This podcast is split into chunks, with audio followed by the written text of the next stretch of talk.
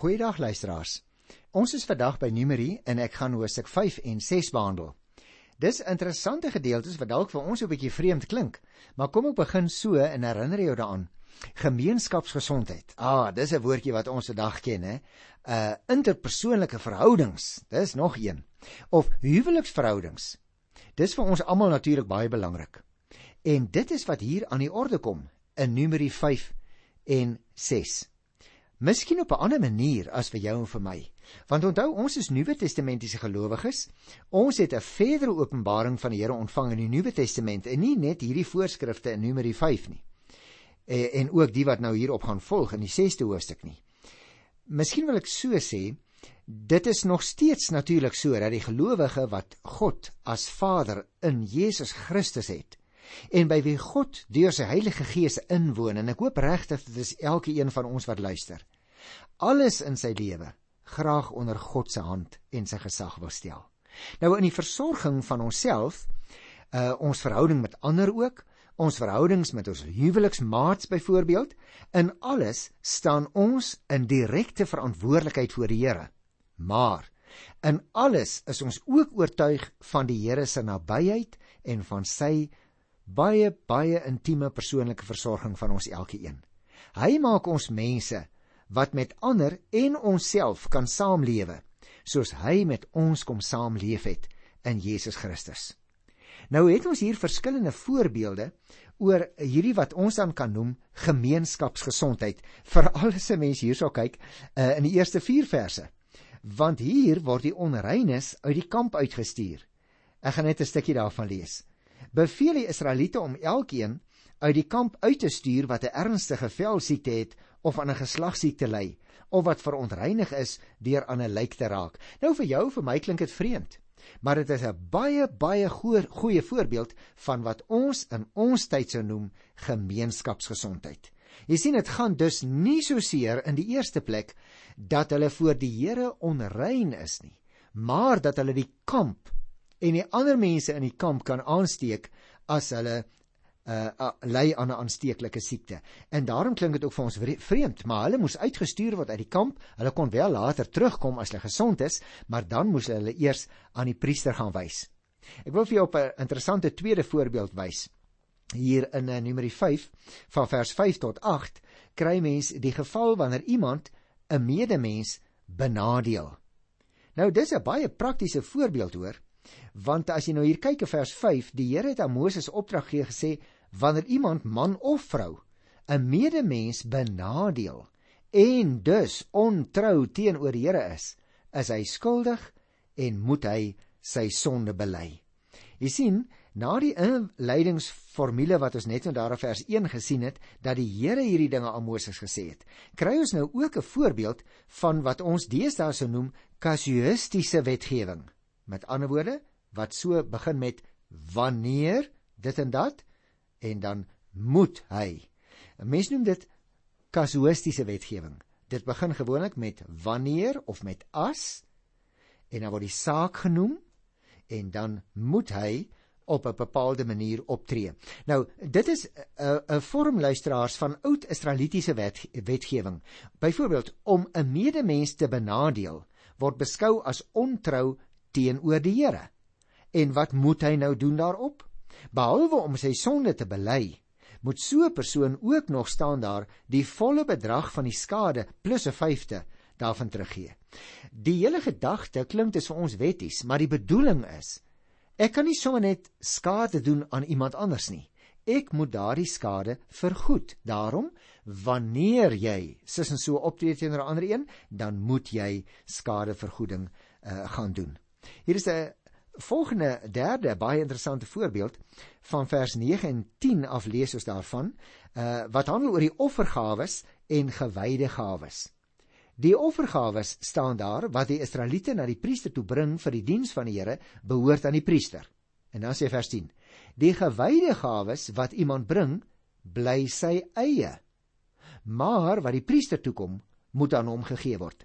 Jy sien, hier word 'n uh, uh, verskil gemaak luisteraars tussen wat genoem word offergawes en gewyde gawes.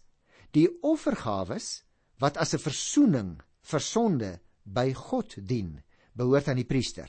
En die gewyde gawes in vers 10 wat deur die priesters en hulle gesinne geëet kan word, behoort aan die priesters. En daarom is die gewyde gawes op 'n vrywillige basis gebring. Dit was nie 'n voorskrif nie. Dit was met ander woorde uit die goeie guns van wat ons vandag sou noem 'n lidmaat aan die geestelike wat hulle kon bring, maar hulle hoef dit nie te doen nie.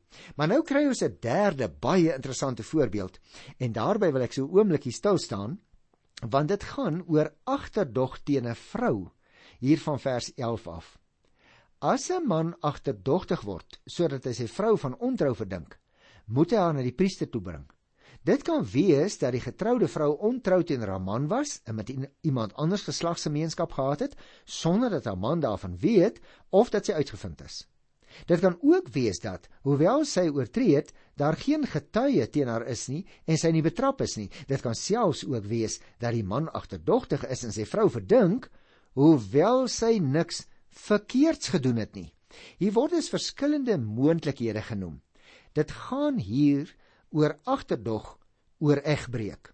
Dit gaan met ander woorde om 'n situasie waar geen normale regsprosedure gevolg kan word nie vanweë gebrek aan bewyse. Die prosedure beskerm egter die vrou teen 'n man wat moontlik onnodig agterdogtig is. En die rol van die priester nou hier van vers 12 af tot by vers 15 is natuurlik nou baie belangrik. Wat die betrokke vrou betref, word verskillende situasies genoem, het ek nou nou reeds gesê, maar die moontlikheid van haar onskuld staan vas tot tyd en wyl sy skuldig bewys word. Die man kan immers sy vrou dalk sê net maar as gevolg van jaloesie ten onregte van egbreek verdink en daarom die voorgeskrewe offer bestaan uit ongeveer 4 liter garsmeel en die gebruikelike fynmeel wat ons ook teëgekom het in Levitikus by die tweede hoofstuk. Dit is uh, die helfte goedkoper tussen hakies en dit dra die karakter van 'n sondeoffer. En dan sê die 16de vers, die priester lei dan die vrou tot by die altaar en laat haar in die teenwoordigheid van die Here staan. En dan word daar sekere rituele handelinge uitgevoer wat dan beskou word as die uitslag van die toets of sy skuldig is of nie. Nou weer eens is dit vir ons bietjie vreemd, maar nou ja, jy kan dit self gaan lees hoe dat die vrou dan daar by vers 19 uh, onder eed geplaas moet word en vir 'n man sê as iemand anders nie met jou gemeenskap gehad het nie en jy as getroude vrou jouself nie met 'n ander man verontreinig nie mag jou onskuld dan bewys word deur hierdie water wat bittere smart en 'n vloek oor jou kan bring. Met ander woorde daar is 'n rituele handeling uitgevoer op grond waarvan die vrou dan vrygespreek word nadat sy 'n eedswering gedoen het.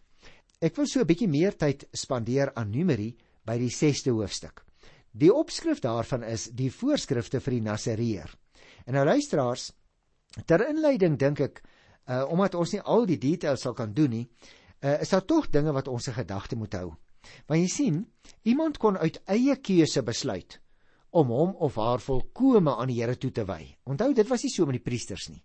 Maar met 'n Nasareer is dit so. Hy kon self besluit hy wil 'n lewe, die res van sy lewe, uh, lei wat aan die Here toegewy is.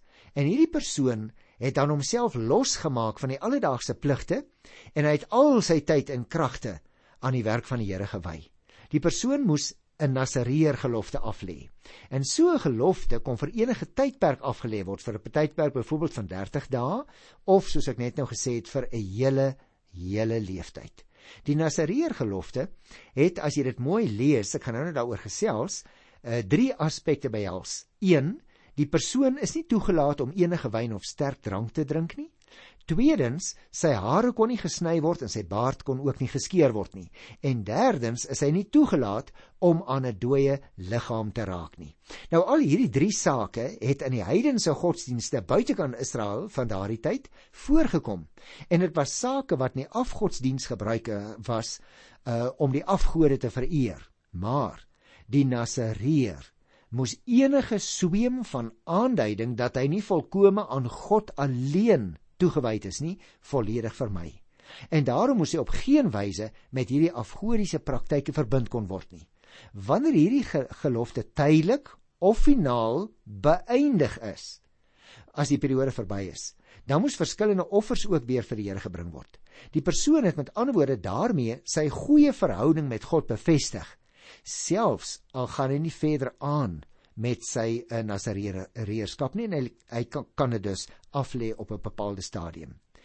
Hy moes egter enige misverstand vermy en daarom moes hy uh, toon dat sy tyd van gelofte verby is deur die sigbare tekens daarvan te verwyder soos byvoorbeeld hy kan maar sy hare nou laat sny. Jy sal byvoorbeeld onthou dat uh, Samson en Samuel en Johannes die Doper was almal mense wat lewenslank Nasareërs was. Tussen hakies in die Nuwe Testament in Handelinge 21 lees ons ook van vier Joodse Christene wat die Nasareer lofte afgelê het. Met ander woorde, iets van die toegewydheid van die Nasareer aan God behoort ook in die lewe van Christus gelowige mense gesien te word. Ook jy en ek kan nie maar net lewe soos ons is nie. Wel nie uh, op 'n wettiese manier nie, né? maar dit moet uit ons lewenspraktyk, onder andere ons blydskap en die vrug van die Gees waarvan Galasiërs 5 vers 22 praat. Dit moet gesien word in ons lewe. En ons kan dit eintlik nie soek nie. Dit is iets wat normaalweg voortvloei en uitvloei uit ons verhouding met die Here dat die Heilige Gees daardie vrug van die Gees in ons lewens hoe langer hoe meer laat sigbaar word. En daarom wil ek ook nou weer net enkele verse lees. Luister byvoorbeeld vers uh, eh, 2. Wanneer iemand 'n man of 'n vrou 'n besondere nasareer gelofte aflê, dan moet hy sekere dinge doen. Dit was dus nie net die mans wat daarin kon deel hê nie. Vrouens kon ook deel hê aan hierdie nasareer gelofte. As 'n mens kyk van vers 9 tot 12, dan kry jy daar interessante opmerkings rondom die nasareerskap. Ek wil tog 'n uh, enkele daarvan net uitwys. As iemand hom verontreinig deur aan iemand te raak wat onverwags in sy omgewing te sterwe kom, moet hy sy hare afskeer op die dag waarop hy rein verklaar word. Op die sewende dag moet hy sy hare afskeer en op die agste dag moet hy twee tortelduwe bring. So ek het net nou vir jou vertel dat mense nie net by die begin aan die Here afgesonder moes word nie, maar dat hulle by die beëindiging van hulle nasareërskap ook bepaalde offers aan die Here moes bring sodat hulle weer kon teruggaan as ek dit so mag sê na die normale lewe toe. Daar is egter 'n gedeelte hier wat ek uh, so bietjie meer tyd aan wil spandeer. Naamlik luisteraars uh, van vers 22 af. Dit is dan die priesterlike seën. Ter inleiding die kern van hierdie hele groot gedeelte in Numeri van Hosea 1 vers 1 tot by Hosea 10 vers 10 staan die seën wat die priesters oor die volk moes uitspreek elke keer sentraal. Waar die Here by sy volk woon, kon die priesters die mense waarborg dat die Here hulle sal beskerm. Hy sal na hulle omsien en hulle genadig wees. En daarom kry ons hier die baie baie belangrike sogenaamde priesterlike seën. Ek gaan dit versie vir versie so bietjie met jou bespreek. Vers 22 in Numeri 6 sê: Die Here het vir Moses gesê: "Sê vir Aaron en sy seuns: So moet julle sê wanneer julle die Israeliete seën." Jy moet dus opmerk luisteraar dat daar 'n baie belangrike uh, formule was. Hulle kon nie net dit vanweë uh, alleenreg met ander woorde uit eie inisiatief doen nie. Hulle moes dit doen soos wat die Here vir hulle voorskryf om dit te doen. En dit was die woorde.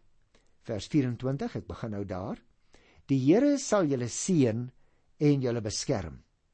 Die Here sal jou tot julle redding verskyn en hy sal julle genadig wees. Nou dit is belangrik dat ons daardie woorde baie baie mooi bekyk. Want jy sien, seën het baie betekenisnuances, soos byvoorbeeld geluk en vrugbaarheid en solidariteit in hulle self omgedra as jy so seën oor iemand uitgespreek het. Al die goeie sake word natuurlik as 'n gawe van die Here beskou, nie net in die verlede nie, maar ook ten opsigte van die toekoms. Daarom staan daar en hy sal julle beskerm in die 24ste vers. Die woordjie word gewoonlik gebruik om te sê dat mense iets bewaar en slegs hier kom dit voor in die sin dat God sy mense bewaar of beskerm en tot hulle redding sal verskyn word aan bygevoeg. Met ander woorde luisteraars, die hele gedagte is dat ons moet verstaan dat die Here helpend en ontfermend by sy mense teenwoordig is sodat dit goed kan gaan met die gelowige. Beteken nie dat daar nie donker en slegte dae mag kom nie, hoor. Luister nou byvoorbeeld na vers 26. Die Here sal julle gebede verhoor en aan julle vrede gee. Natuurlik luisteraars, die Here hoor met ander woorde nie net gebede nie, maar hy beantwoord dit ook. Boonop gee hy ook staan daar vrede. Nou dis 'n interessante woord en dit het 'n baie ryke inhoud veral in die Hebreëse taal. Dit kan byvoorbeeld dui op 'n goeie gesondheid wat mense sou kon hê. Gaan kyk maar op Psalm 38 vers 4. Of dit sou kon dui op voorspoed op landboukundige terrein, byvoorbeeld. Psalm 72 vers 3 vertel daarvan. Of 'n goeie verhouding tussen God en mense. En dit is tog belangrik luisteraars dat ons daarop sal let dat die Here ons genadig sal wees, ons gebede verhoor en vir ons vrede wil gee. En dit moet ons tog nooit vergeet nie. Met ander woorde, as ek dit andersom sê, die hele sosiale en godsdienstige en ekonomiese lewe van die gelowige van destyds word geraak deur die vrede wat aan hom toegesê word. En daarom is dit baie belangrik luisteraar. Dit is nie so dat die liturg aan die einde van die erediens as dit ware sommer maar net 'n wens uitspreek oor die gemeente as hy vir hulle in die naam van die Here vrede gee nie. Hy gee dit as dit ware vir hulle. En dit word dus verduidelik dat die seën van die Here nie sonder gevolge is nie. Dit hou vir hulle vrede in. En wanneer die Here mag ek dit in aanhalingstekens sê, wanneer die Here goeie woorde spreek, onthou, onthou altyd, dan doen hy dit ook. En daar word dan ook in elkeen van die drie spreuke wat eintlik hier afsonderlik staan, 'n daad van die Here genoem wat daarna as dit ware verklaar of toegelig word deur die gevolg of die uitwerking wat dit vir ons inhou. Dit alles lei uiteindelik tot 'n vrede in die mees omvattende sin van die woord. Kom ek sê dit andersom. Die Here seën sodat daar vrede is op die aarde wat hy gemaak het. Dit hou byvoorbeeld in dat die ontvang van die Here se seën geen vryblywende aangeleentheid is nie. Om te deel in die seën van die Here lê 'n baie baie groot verantwoordelikheid op elke ontvanger daarvan aan die einde van die erediens. Let op vers 27 waar hierdie priesterlike seën afgesluit word. So moet die priesters my naam oor die Israeliete uitroep en ek sal hulle seën. Met ander woorde luisteraars, die slot van hierdie seën spreek herbevestig nog dit nog 'n keer dat die Here hulle sal seën. Die Here se naam staan daar wat oor hulle uitgeroep word, verseker dat hy self by hulle is. Dink jy nou nie ook saam met my aan Matteus 28 daar van vers uh, 18 af tot by vers 20 waar die Here Jesus sê en ek sal by julle wees al die dae tot aan die volëinding van die wêreld. Daarom is dit so wonderlik dat ons hierdie seënspreuk wat ons hier in Numeri 6 kry, ook vir onsself mag toeëien. Want die Here het ons reeds geseën in Christus, sy seun. Maar let op dat sy naam en sy seën in een asem genoem word Dit gee juis die versekering dat dit hy self is wat seën. Ek wil jou vra, is die naam van die Here dan nie ook 3 keer vermeld in die seënspreek self nie? Hier in vers 24 tot 26.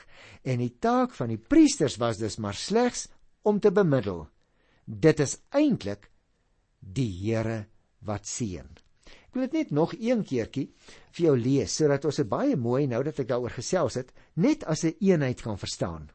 Vir die van julle wat dalk later ingeskakel het, dit is die wonderlike priesterlike seën wat ons kry in Numeri 6 van vers 22 af. Die Here het vir Moses gesê: "Sê vir Aaron en sy seuns, so moet julle sê wanneer julle die Israeliete seën. Die Here sal julle seën en julle beskerm." Die Here sal tot julle redding verskyn en julle genadig wees.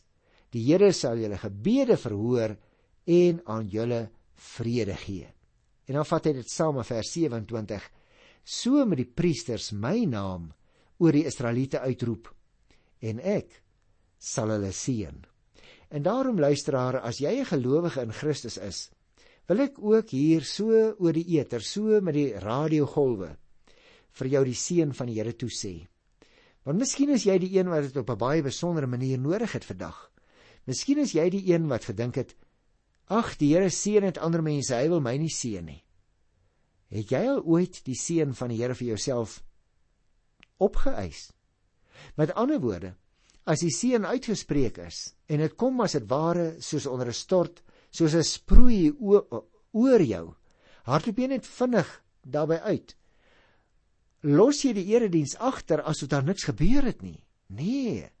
Nee, jy het dan so so pas onder die sproei van die Here se seën gestaan. En let op die uitwerking. As die Here ons seën, dan beskerm hy ons ook.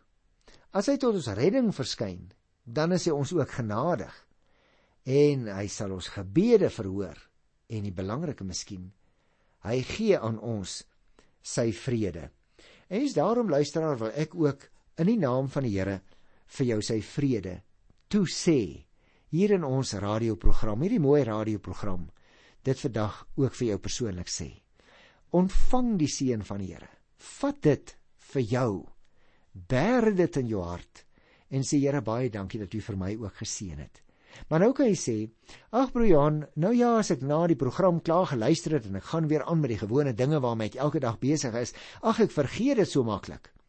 Ek wil vir jou vra sonder as jy partykeer onder 'n boom staan en alleen is, daar waar jy alleen voor die Here kniel in jou kamer en 'n behoefte het aan sy seën. Staan daar op jou knieë. Hou die Bybel voor jou oop. Hou jou oë oop en lees hierdie priesterlike seën. En hoe gaan hy dit dan doen? Dan sê ek, dan sou ek dit vir myself so wou opeis en sê ek begin by Numeri 6 by vers 22.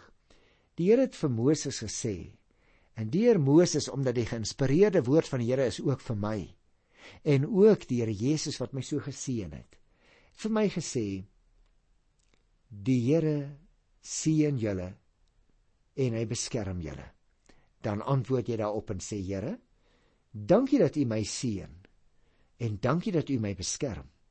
Vers 25 sê: Die Here sal tot julle redding verskyn en julle genadig wees. Hoe reageer jy en ek daarop? Dat ek kan sê Here, my omstandighede druk my regtig vandag toe. En ek kom nou na U toe, ek staan onder die sproei van U seën.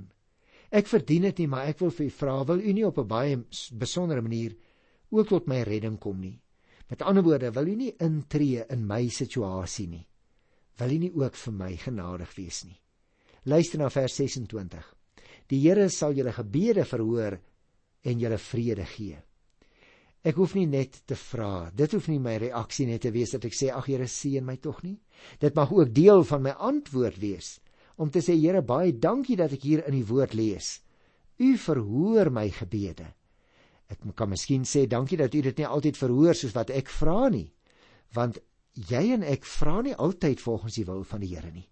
Maar dit kan sê Here baie dankie dat u op u manier my gebede verhoor. En baie dankie dat u vir my vrede gee.